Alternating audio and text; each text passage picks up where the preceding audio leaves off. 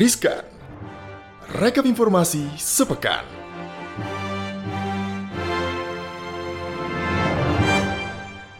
Hai Sobat Cuan. Halo Sobat Cuan. Apa kabar Sobat Cuan? Semoga selalu dalam kondisi sehat walafiat di Betul. akhir pekan ya. Walaupun mungkin di pekan ini agak sedikit eh berat kok di Jakarta ya. Kenapa ya? Gue ngerasa sih macet banget loh Gal. Iya benar tuh kak. Seminggu Mungkin ini eh, karena musim hujan juga kali ya kak. kayaknya ya. Jadi makanya Ya. eh tetap semangat ya yang mungkin energinya udah Betul. capek di jalan. Ya, ketemu lagi di Riskan rekap informasi Rekap informasi sepekan. bareng Maria Katarina dan juga Gali Iksan. Iya, hari ini Ya. kita akan mengedepankan beberapa informasi yang paling hot di pekan ini ya. Selain tadi gua ngeluh sedikit soal macet karena kayak energinya makin habis kan kalau kita tuh eh, macet-macetan ya kan, cap sampai ke rumahnya telat, belum lagi kehujanan. Nah, tapi di tengah kondisi cuaca yang begitu ekstrim Ternyata buruh nih masih aja loh punya waktu buat ngamuk minta Wow, upah minimum Kenapa tuh kak? 2023 Gara-gara kak? naik 13%. Jadi gini nih Gal nih ya Waduh, dan juga sobat cuan. Kalangan buruh menuntut kenaikan upah minimum tahun 2023 sebesar 13%. Lonjakan inflasi nih ya, jadi salah satu pertimbangan tuntutan buruh. Disebutkan bahwa sebelum kenaikan harga bahan bakar minyak, inflasi diperkirakan 4,9%. Loh, setelah naik nih BBM, inflasi malah akan tembus di 7,7 sampai 8% diperkirakan. Ekspektasi pemerintah sih cuma di 6,5 sampai 7%. Nah, biasanya bisa ya most uh, likely akan ada di kisaran segitu deh ya. Nah, menurut Presiden Konfederasi Serikat Pekerja Indonesia atau KEPI Said Iqbal, kenaikan upah ini sudah diperhitungkan untuk menutup kenaikan inflasi pada kelompok makanan, perumahan, dan transportasi yang naik tinggi, Gal. Jadi kalau misalnya katanya nih kak, kalau tuntutan itu tidak dipenuhi, Partai Buruh bersama elemen kelas pekerja akan berorganisir pemogokan dan demonstrasi besar-besaran nih kak.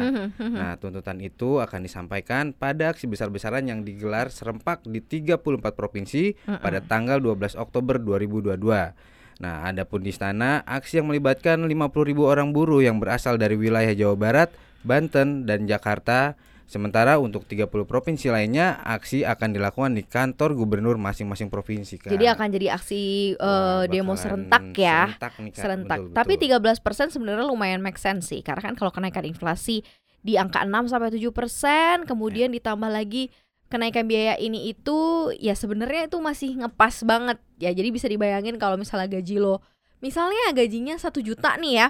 Kalau naiknya 13 uh, persen itu cuman kayak sekitar naik 100 ribuan, bener gak sih? 130 ribuan, 130-an, bener kan? ya. cuma 130 ribuan dari angka 1 juta itu. Jadi kalau 10 juta ya mungkin naiknya sekitar 1,3 juta. Itu mah sebenarnya masih, Masih belum naik kayak- signifikan. Iya, betul. Tapi hanya cukup untuk membayar ongkos inflasi itu. Jadi mudah-mudahan didengerin nih sama para pengusaha ya dan juga pemerintah ya. Iya, Jangan Kak. sampai nanti ada demo besar-besaran kan capek Betul, lagi betul, ya kan. Tambah macet lagi Iya. tadi. Gue baru curhat soal macet ya. Oke, Oke. next ini terkait mengenai eh, kayak soal kasus kejuruhan kemarin ya. Benar Betul, gak sih Gal? Betul nih kak, ini jadi lanjutan kasusnya ya kak. Jadi sempat Erick Thohir ini bertemu bos FIFA untuk menyampaikan surat khusus dari Jo- Presiden Jokowi. Nah, Menteri Badan Usaha Milik Negara Erick Thohir mengadakan pertemuan dengan Presiden FIFA Gianni Infantino di Doha, Qatar. Nah, pada Rabu lalu nih kak. Nah, dalam pertemuan tersebut, Erick menerima ucapan duka atas tragedi yang terjadi di Kanjuruhan Malang, Jawa Timur akhir pekan lalu kak. Nah, selain itu, pertemuan tersebut juga membahas banyak hal demi kemajuan sepak bola di masa depan, khususnya sepak bola Indonesia. Oke, dalam kesempatan itu juga Erik menyampaikan salam dan surat khusus dari Presiden Joko Widodo ya kepada Infantino. Dan dalam kesempatan terpisah, Jokowi mengaku sudah berkomunikasi dengan Infantino perihal tragedi kemanusiaan yang terjadi yang baru-baru ini ya. Sama-sama membuat kita menjadi eh, shock gitu ya terhadap sepak bola Indonesia di Stadion Kanjuruhan. Dan pengakuan itu juga disampaikan Jokowi selepas mengikuti acara HUT ke-77 TNI di Istana Merdeka di hari Rabu lalu. Selain itu, Jokowi juga menjelaskan nih kak, perbincangan Mm-mm. tersebut dilakukan pada Senin malam via telepon. Mhm. Nah, isi perbincangannya itu mengenai tragedi Kanjuruhan juga mengenai FIFA U20. Kalau apa pun nanti keputusan dari FIFA, ya mudah-mudahan karena tragedi kemarin tuh jadi kita nggak kena sanksi juga kak. Gitu. Iya iya, karena sebenarnya gini, kita harus ada masa berduka, benar Ya, karena betul. memang kondisi tragedi yang terjadi itu memakan ratusan nyawa, begitu ya orang anak-anak kesayangan eh, keluarganya gitu, Ya. yang menyempatkan waktu untuk menonton tapi harus eh, menjadi korban. Tapi ya di sisi lain sebenarnya kalau kita lihat side yang lain ya sobat cuan di industri sepak bola kalau misalnya sampai terjadi sanksi tuh yang dirugikan banyak Ya, betul, atletnya, betul, Kak. pelatihnya, Ya. Sponsorshipnya, sponsornya, pertandingannya segala macam. Jadi ya mungkin kita memang harus ambil rehat untuk sama-sama introspeksi deh. Kita juga sebagai penonton juga harus introspeksi deh apa yang harusnya kita uh, kontribusikan kepada sepak bola tanah air. Gitu gak sih? Betul, Kak. Setuju, setuju, banget. Setuju, kan? Oke. Mudah-mudahan semuanya semakin membaik ya, Kak ya. Amin amin amin amin ya. FIFA lah Oke. sepak bola Indonesia ya.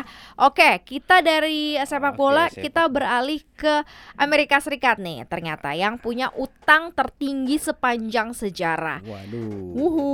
Uh, Oke nih Kak. Jadi eh, data dari Departemen Keuangan Amerika Serikat itu dirilis di tengah tren inflasi tinggi, kenaikan suku bunga, dan ketidakpastian ekonomi yang menghantam negeri Paman Sam. Tingginya utang tersebut tak lepas dari kebijakan pinjaman besar-besaran selama pandemi COVID-19 untuk membantu menopang perekonomian negara.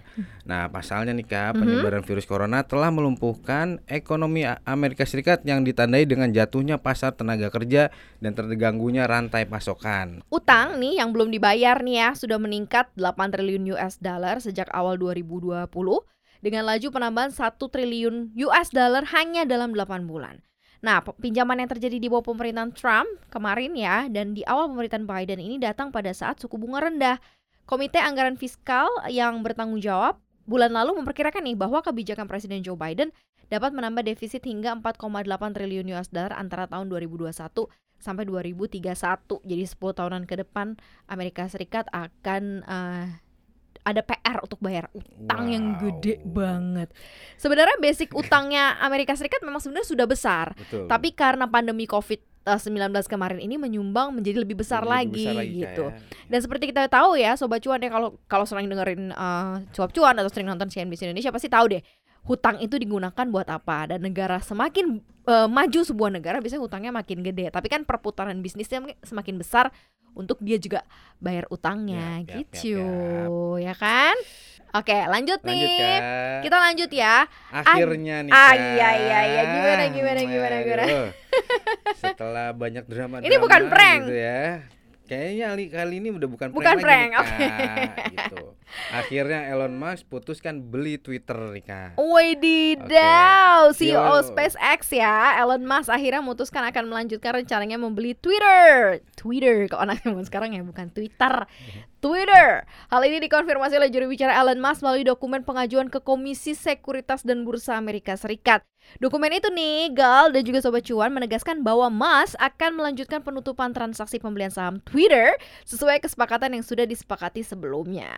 Twitter juga mengonfirmasi pihaknya sudah menerima surat dari Elon Musk itu. Mhm. Nah, salah satu orang terkaya sejagat sekaligus pemilik Tesla, Elon Musk mengatakan akan tetap membeli Twitter senilai 44 miliar dolar Oke. Amerika Serikat atau setara dengan 668 triliun rupiah. Mhm. Nah, sikap ini berbeda nih dari sebelumnya yang menyatakan Elon Musk enggan membeli Twitter. Hmm. Dilaporkan juga dari CNBC Internasional pada April lalu, miliarder itu kemungkinan akan berhutang pada Morgan Stanley sebesar 25 miliar US dollar dan komitmen pendanaan ekuitas sebesar 21 miliar US dollar. Ya, pendanaan itu beberapa di antaranya nih ya berasal dari Bank of America, kemudian Barclays, serta MUFG Binance.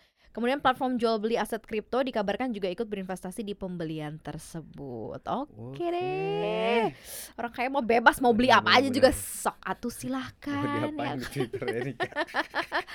Tapi kan Twitter sebenarnya juga uh, punya basis pengguna yang Ya. uh, lumayan loyal ya. Jadi Betul, dari betul. zaman dulu nih, ketika kemarin juga sempat orang uh, pada off nggak pakai Facebook karena move to Instagram, Twitter tuh Twitter masih tetep ya. masih tetap. Ya. Jadi orang masih suka tuh berkicau-kicau nge-tweet nge-tweet Betul, ya. betul. Bahkan thread-thread yang suka terkenal bahkan jadi film ya kan itu yap. mulainya jadi Dari dari, thread di Twitter, Twitter loh. ya. Ya, jadi pokoknya selamat deh buat Om Ellen ya. Mudah-mudahan makin sukses ya Om Ellen ya. Oke, Oke. next nih Gal. Chris Reynolds jadi pria terkaya di dunia dari uang nyasar. Iya, kok Aduh, bisa? Gua juga bisa mau. nih, iya. Ya, pria asal Amerika Serikat bernama Chris Reynolds ya. Dia mendapatkan uh, sebesar 92 kuadriliun US dollar setara dengan 1409 quintriliun. Quintriliun itu berapa kalinya triliun? Nolnya banyak. Bos. Bermula ketika ia membuka saat, uh, surat rekening PayPal di bulan Juni tahun 2013, praktisi humas asal Pennsylvania itu mendapatkan dana senilai 92 U, uh, quadrillion US dollar di akun PayPal tersebut. Dengan uang sebanyak itu, Reynolds tuh bisa dinobatkan sebagai orang terkaya di dunia gitu. Wow. Sebab uh, ia sudah menyalip kekayaan orang terkaya di dunia pada saat itu yaitu Taipan asal Meksiko Carlos Slim yang punya kekayaan senilai 67 miliar US dollar atau setara dengan 1021 triliun rupiah. Hmm, PayPal mengakui adanya kesalahan terhadap akun Reynolds dan bersedia memberikan sejumlah uang sebagai kompensasi. Wah, ternyata cuma nyasar, Kak. Eh kalau nyasar gitu habis itu dapat kompensasi lumayan ya. Iya, iya. Dia ngomongin soal quintillion lah, quadrillion lah. Kalau kompensasinya satu triliun rupiah aja nyasar ke Nah, gue juga nggak apa-apa iya. sih. Ini uang segede gini bisa cukup gak nih Kak buat bayar utangnya Amerika? Ih bener tuh Amerika kayak minta aja sama Reynolds saya bilang Eh pinjam duitnya buat bayar hutang nih ya Gitu. Jadi rupanya banyak sekali serba-serbi kehidupan yang terjadi di pekan ini ya Sobat Cuan. Mudah-mudahan Betul Sobat Cuan selalu dalam kondisi yang sehat sampai dengan pekan depan ya Memasuki di tengah uh, bulan atau di pekan kedua bulan Oktober ya. Karena juga cuacanya nih sudah masuk ke ber-ber-ber nih berhujan terus tiap hari jadi jaga kesehatan. Ya oke Sobat Cuan. Eh, jangan lupa ya untuk di follow juga IG-nya di IG-nya Cuap Cuan di @cuap underscore cuan dan juga subscribe YouTube channel Cuap Cuap Cuan kemudian di like, komen dan share ya. Oke, jangan lupa juga untuk dengerin kita di konten podcast kita yang ada di Spotify, Apple Podcast, Google Podcast dan juga Anchor ya. Jangan lupa juga untuk uh, selalu kasih input-input yang menarik buat kita supaya kita juga semangat untuk bikin konten-konten yang terbaik untuk sobat cuan. Thank you ya sobat Thank you cuan. Sobat Cuan. Udah kece di pekan ini. Next week kita lebih kece lagi ya. Thank you, Maria Thank you, thank you. pamit. Gali pamit. Bye. Bye. Happy weekend sobat cuan.